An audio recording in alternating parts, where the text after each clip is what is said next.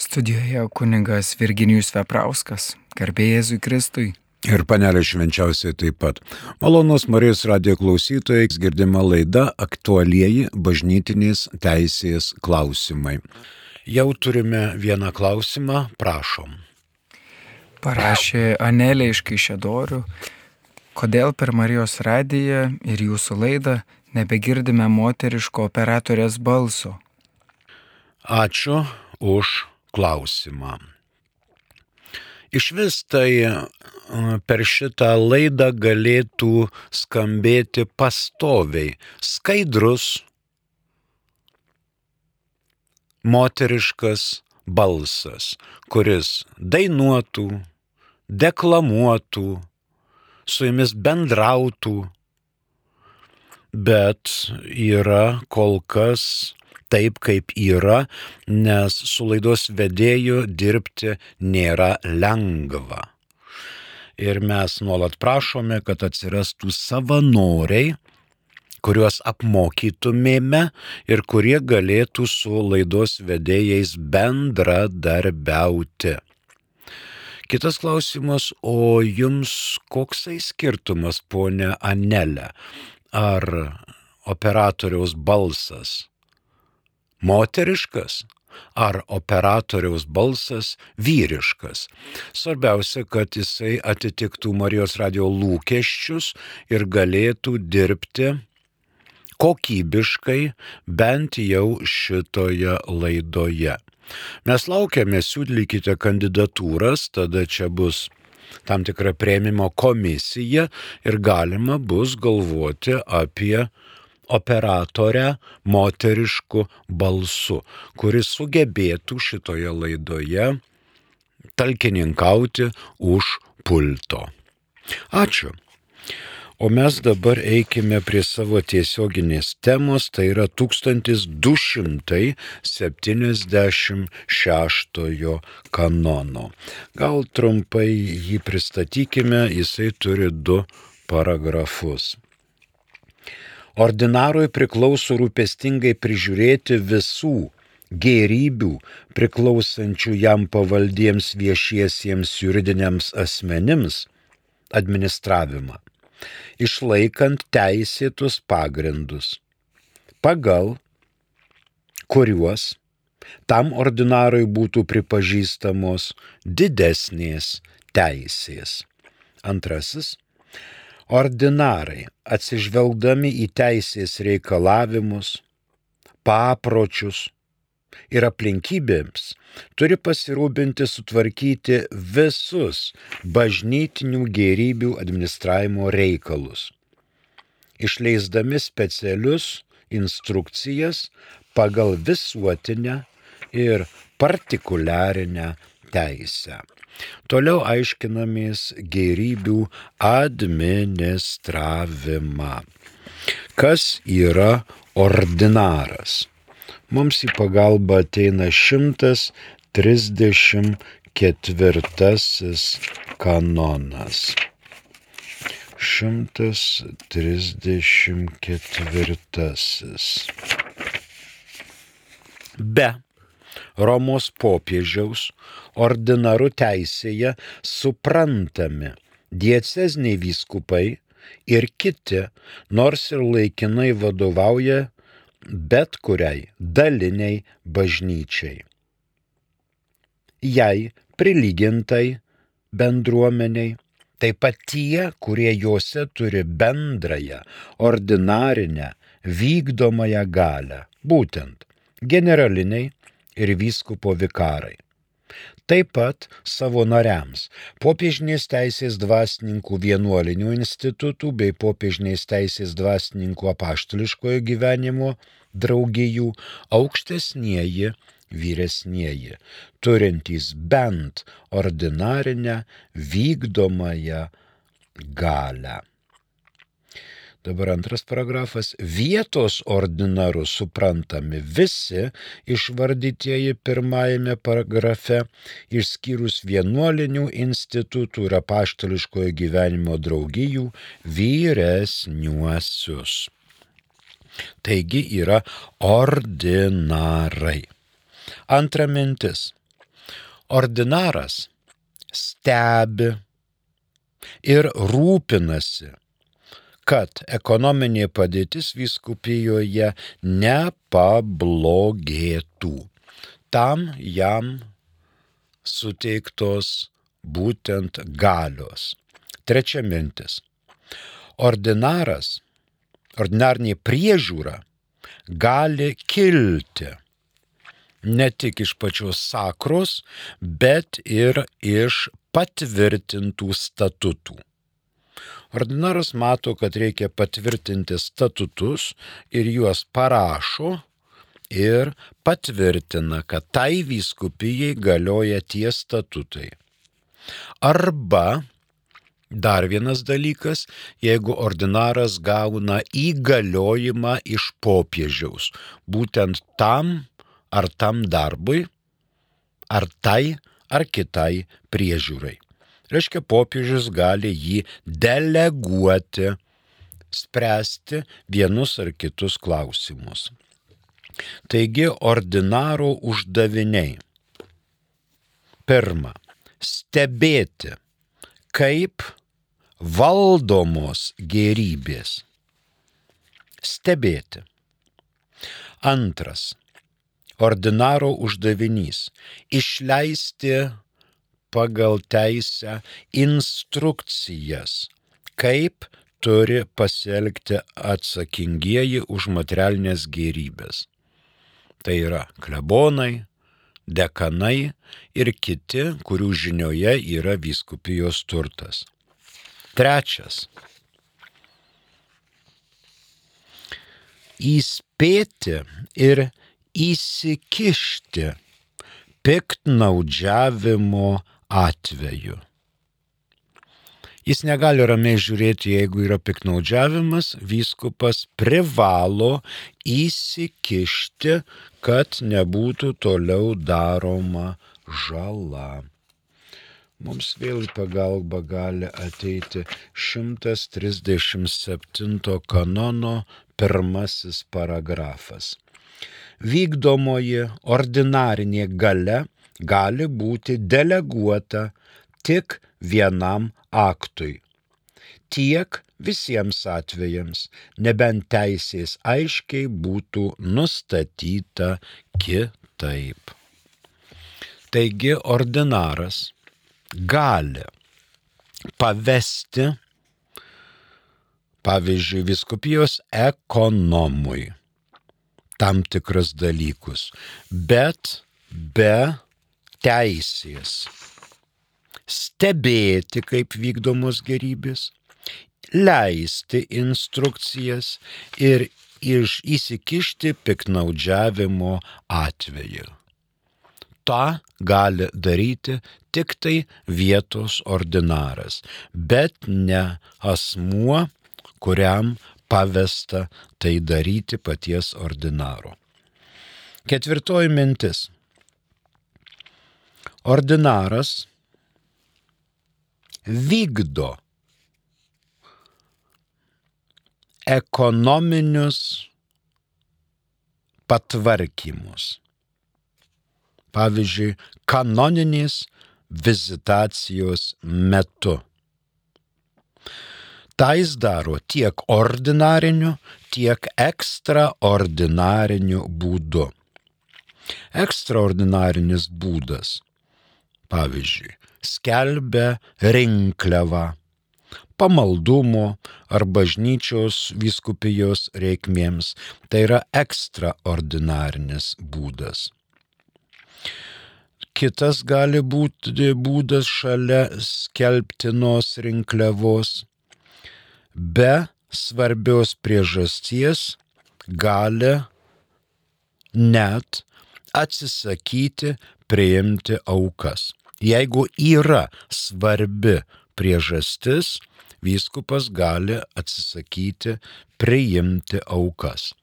Pavyzdžiui, ateina narkokartelio asmenys ir sako, mes tau duodam šitą pinigų sumą. Iš kur jūs ją gavot? Iš narkotikų pardavimo. Viskupas sako, ačiū buvo malonu, uždarykit duris iš vienos pusės, mes šitų nešvarių pinigų, kurie aplaistyti žmonių gyvybę ir krauju, nepriimame. Ordinaras gali atsisakyti priimti aukas. Dar ordinaras gali atsisakyti priimti aukas su tam tikra nepriimtina sąlyga. Pavyzdžiui, mes atnešim auką, bet tu viskupė padarai tą ir tą ir aną.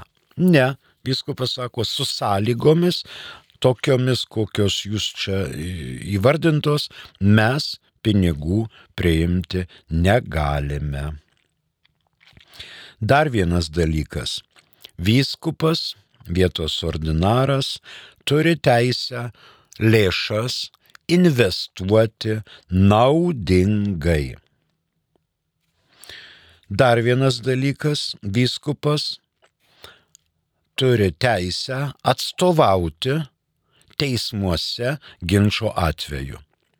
Jeigu kas užginčyje, Vyskupas siunčia atstovą delegatą atstovauti teismuose, jeigu kas ką nors užginčyje. Ir dar vietos ordinaras gali nuomoti bažnytinės gerybės.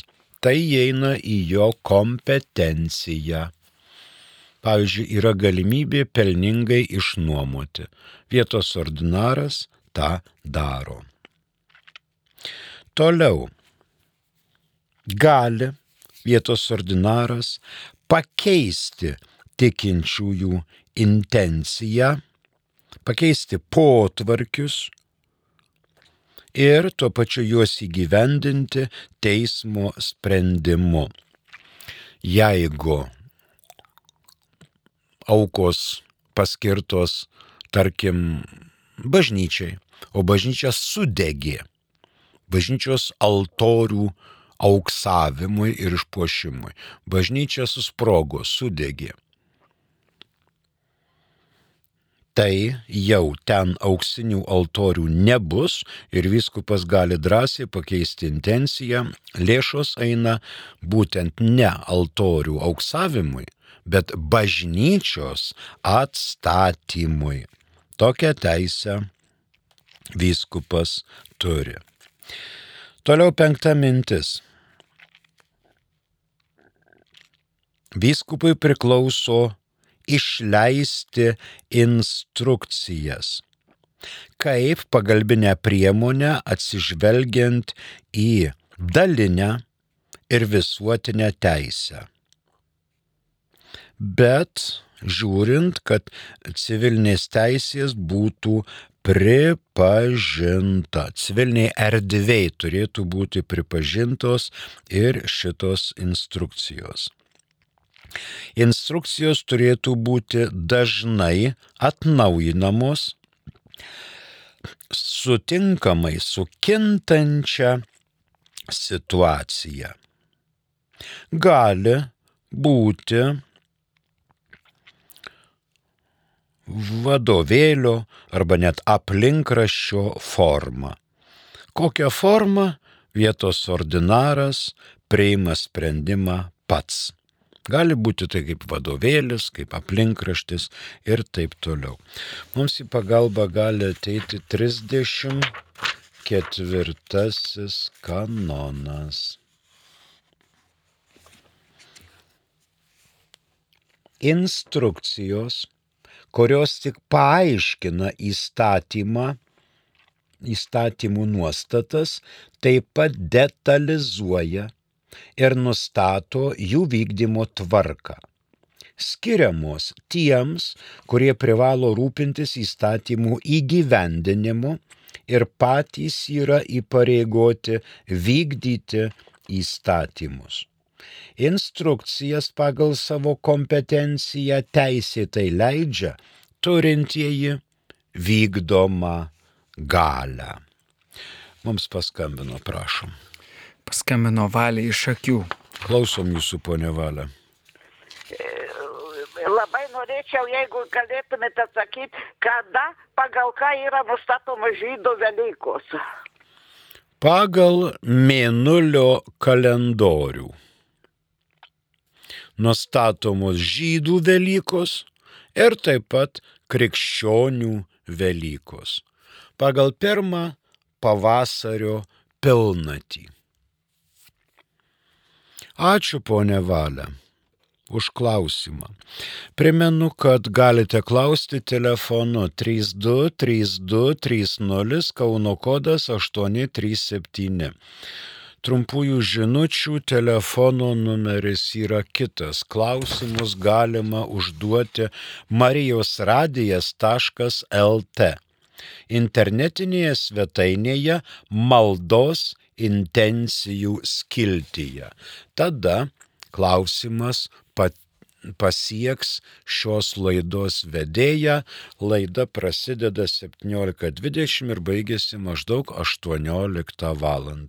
Prašom, galite drąsiai klausti. 34 kanono antrasis paragrafas. Instrukcija taisyklės nepakeičia, instrukcija taisyklės nepakeičia įstatymų ir jei kurios nors iš jų nesuderinamos su įstatymų nuostatomis, neturi jokios galios.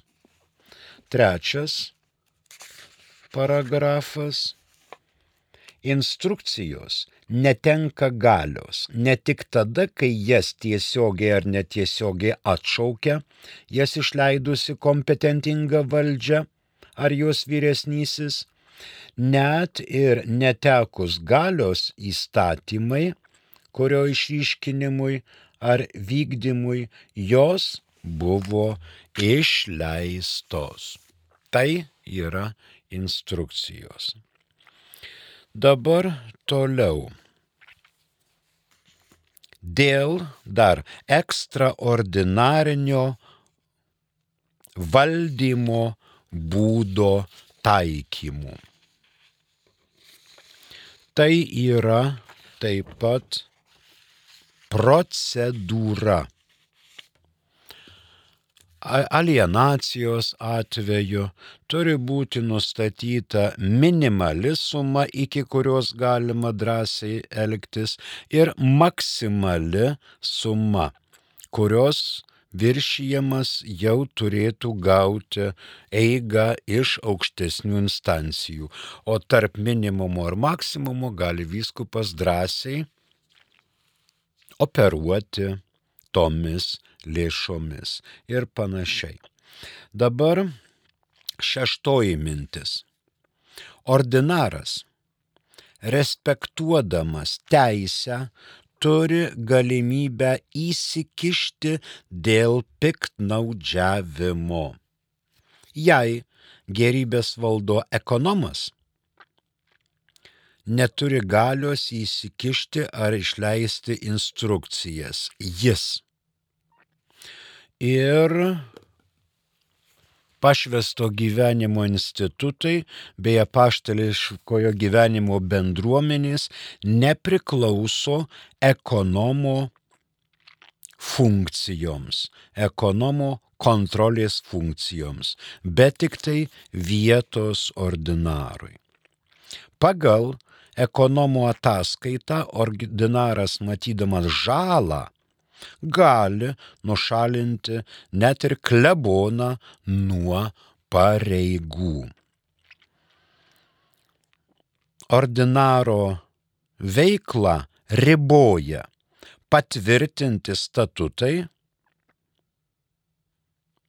ir privalomi jam kaip asmeniui dėl popiežiaus įgaliojimo. Popiežius gali išleisti va tavo ribos, tada jisai jų negali viršyti.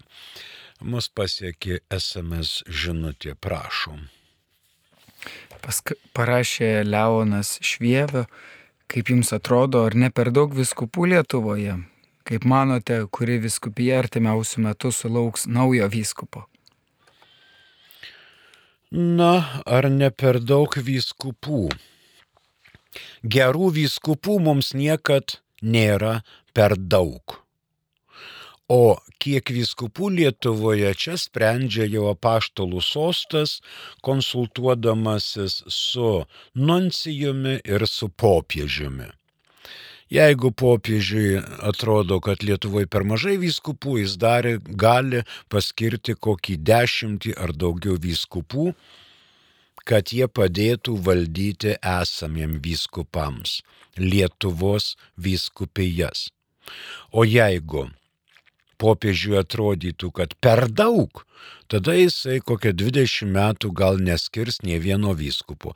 Turit savo ir laidokit vyskupus, o valdyt galės tie, kurie dabar turi galę iki pat laiko skirto jiems valdyti. O dabar, kurį vyskupį artimiausių metų sulauks naujo vyskupo, čia jau ne mūsų kompetencija spręsti viešąją erdvę stebi nunciatūra, kuri aišku konsultuojasi su Lietuvos vyskupų konferencija ir priima sprendimus. Būna, kad vyskupas atsistatydina dėl sveikatos, dėl amžiaus, dėl kitų priežasčių ir tada, kai vyskupas atsistatydina arba jam sukanka tam tikras amžius, jau nunciatūra pradeda ieškoti kandidato. Pateikia paštalų sostui tris kandidatūras ir popiežius išrenka vieną iš jų. O kuri vyskupija artimiausių metų sulauks naujo vyskupo yra sunku pasakyti, E, galbūt, pavyzdžiui, vyskupai valdantys jaučia, kad jiems sudėtinga ir jie prašo vyskupo pagalbininko. Dar šiais metais, tarkim, Vilniaus metropolitas turi du auxiliarus. Vienas atsakingas už tą, kitas už aną teritoriją o Kaunas turėjo tik tai vieną arkivyskupą. Kaunas prašė pagalbininko ir pagalbininką gavo. Ir dabar Vilnius turi du auxiliarus, Kaunas turi vieną auxiliarą.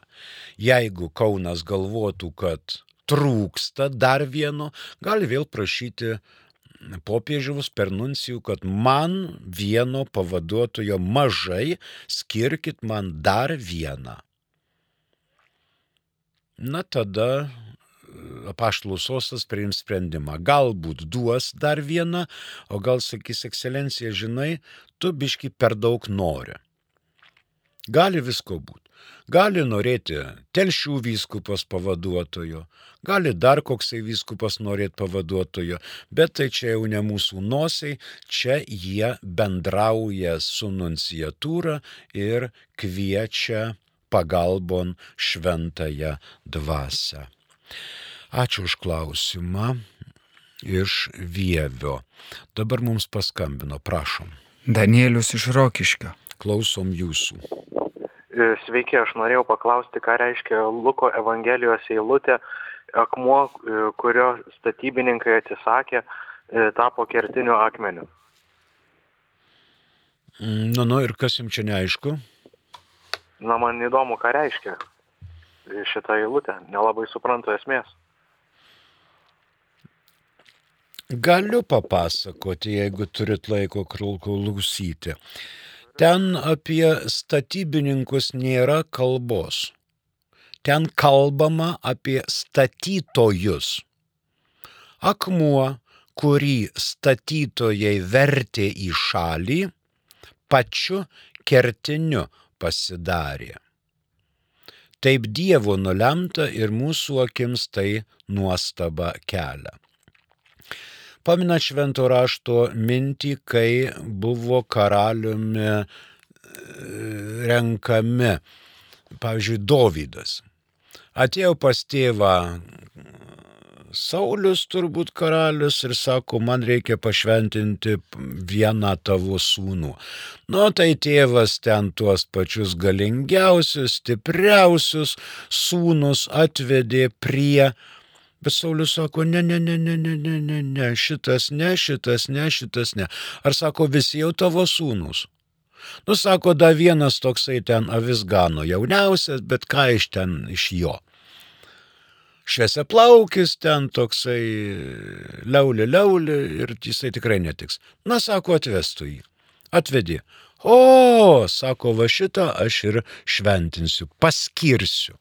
Šitą aš paskirsiu. Tai vienas akmuo, kurį statytojai vertė į šalį, pačiu kertiniu pasidarė.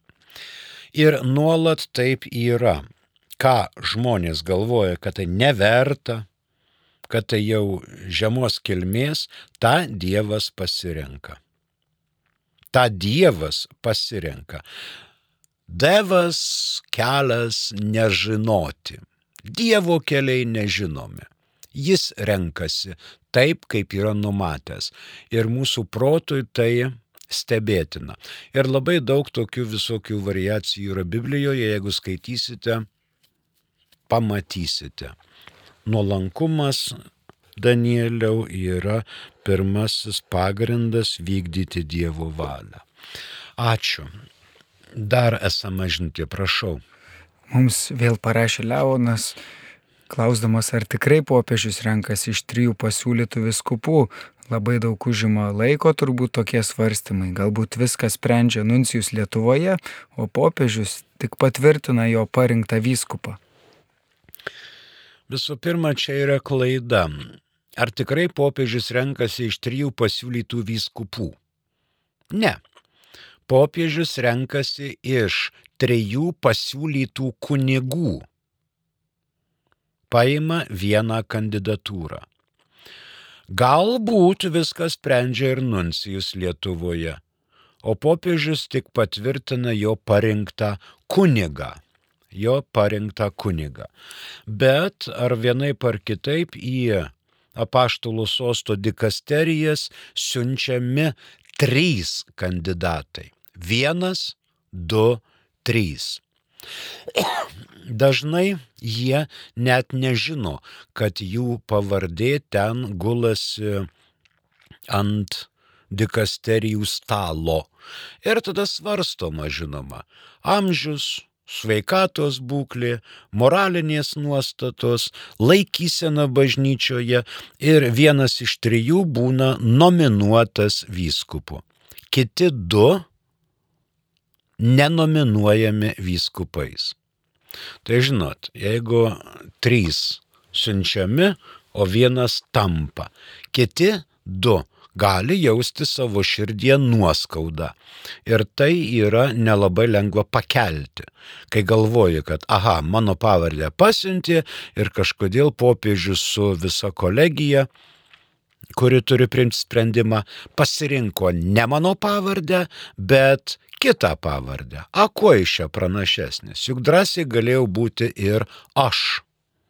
Ir aš, nes aš labai norėjau tapti vyskupu, o popiežius pasirinko šitą. Taigi galbūt viską sprendžia nuncijus. Nuncijus, aišku, atsiklausė viskupų konferencijos, ką ten viskupai galvoja, kas turbūt penki metai kiekvienas viskupas pateikė tris pavardės nunciatūrai, ką jis iš principo matytų vyskupu pagal savo nuomonę. Ir nuncijus surenka tas pavardės, svarsto, analizuoja, derina, žiūri. Ir žinoma, nuncijus prirašo popiežiui savo nuomonę, ką jisai asmeniškai norėtų kurį kandidatą matyti vyskupu. Taip kad čia nėra vieno žmogaus nuomonė, čia yra kolegiali nuomonė. Visko nesprendžia nuncijus. Nuncijus surenka informaciją ir siunčia apaštalų sostui, o vat jie tenais ir parenka. Ir paskiau ateina diena, kada būna paskelbtas asmuo. Šiais metais buvo vienas paskelbtas Marijos radio laidų direktorius, vyskupas Saulis Bužauskas ir jis tapo Kauno arkivyskupijos generalvikaru ir auxiliaru. Kiti du vyskupais netapo. Mes melžiamės, kad jie nepakiltų į kokią nors puikybę arba nesusilpnėtų jų tikėjimas arba pasitikėjimas Dievu, nes tokios, tokios jau yra aktualijos Ir žinoma, vieniem tai yra džiaugsmas, kad tampa, o kitiem yra liūdėsys, kad netampa vyskupais. Ačiū. Dabar mūsų ketvirtadienės girdima laida aktualiai bažnytinės teisės klausimai. Laida prasideda 17.20 ir baigėsi 18 val. Mūsų telefonas klausimams 32 32 30 Kauno kodas 837 trumpųjų žinučių raštu. Klausimus galite užduoti marijosradijas.lt internetinėje svetainėje maldos intencijų skiltyje. O mes toliau pabaigsime aiškintis 1276 apie tai, kad vyskupą gali riboti popiežiaus įgaliojimai. Na, vyskupas dirba su jam pavaldžiais viešaisiais juridiniais asmenimis. Jis negali dirbti su kitos vyskupijos viešuoju juridiniu asmeniu. Jis dirba tik tai su tuo, kas jam priklauso. 1917 m. kanonų teisės kodekse tą mintį reglamentavo 1519 kanonas. Apaštalų sosto kompetencija yra visuotiniai bažnyčiai. Vyskupo kompetencija yra savojoje vyskupijoje. Rytų kanonuose atitikmuo yra du kanonai. 1022 ir 97. Mes dar sulaukime žinutės. Prašom. Jolanta iš Vilniaus parašė, melskimės už Putiną ir Lukašenką pagal Mato penktą skyrių 44 eilutę. Na, jūs pacituokite Matą penkto skyriaus 44 eilutę. Kasgi ten rašoma? Bet čia, manau, greičiau maldos intencija. Jeigu jūs raginate melstis Biblijos žodžiais. Matas, Evangelija pagal Matą. Penktas skyrius 44 eilutė. Prašom. O aš jums sakau, melskitės, mylėkite savo priešus ir melskitės už savo persekiotojus. Nu, tai kas čia neaišku. Melskitės ir mylėkite. Patys žinote, kad visas pasaulis meldžiasi už taiką. Bet kažkodėl tai pusantrų metų jau taikos nėra. Tai gal blogai melžiamės.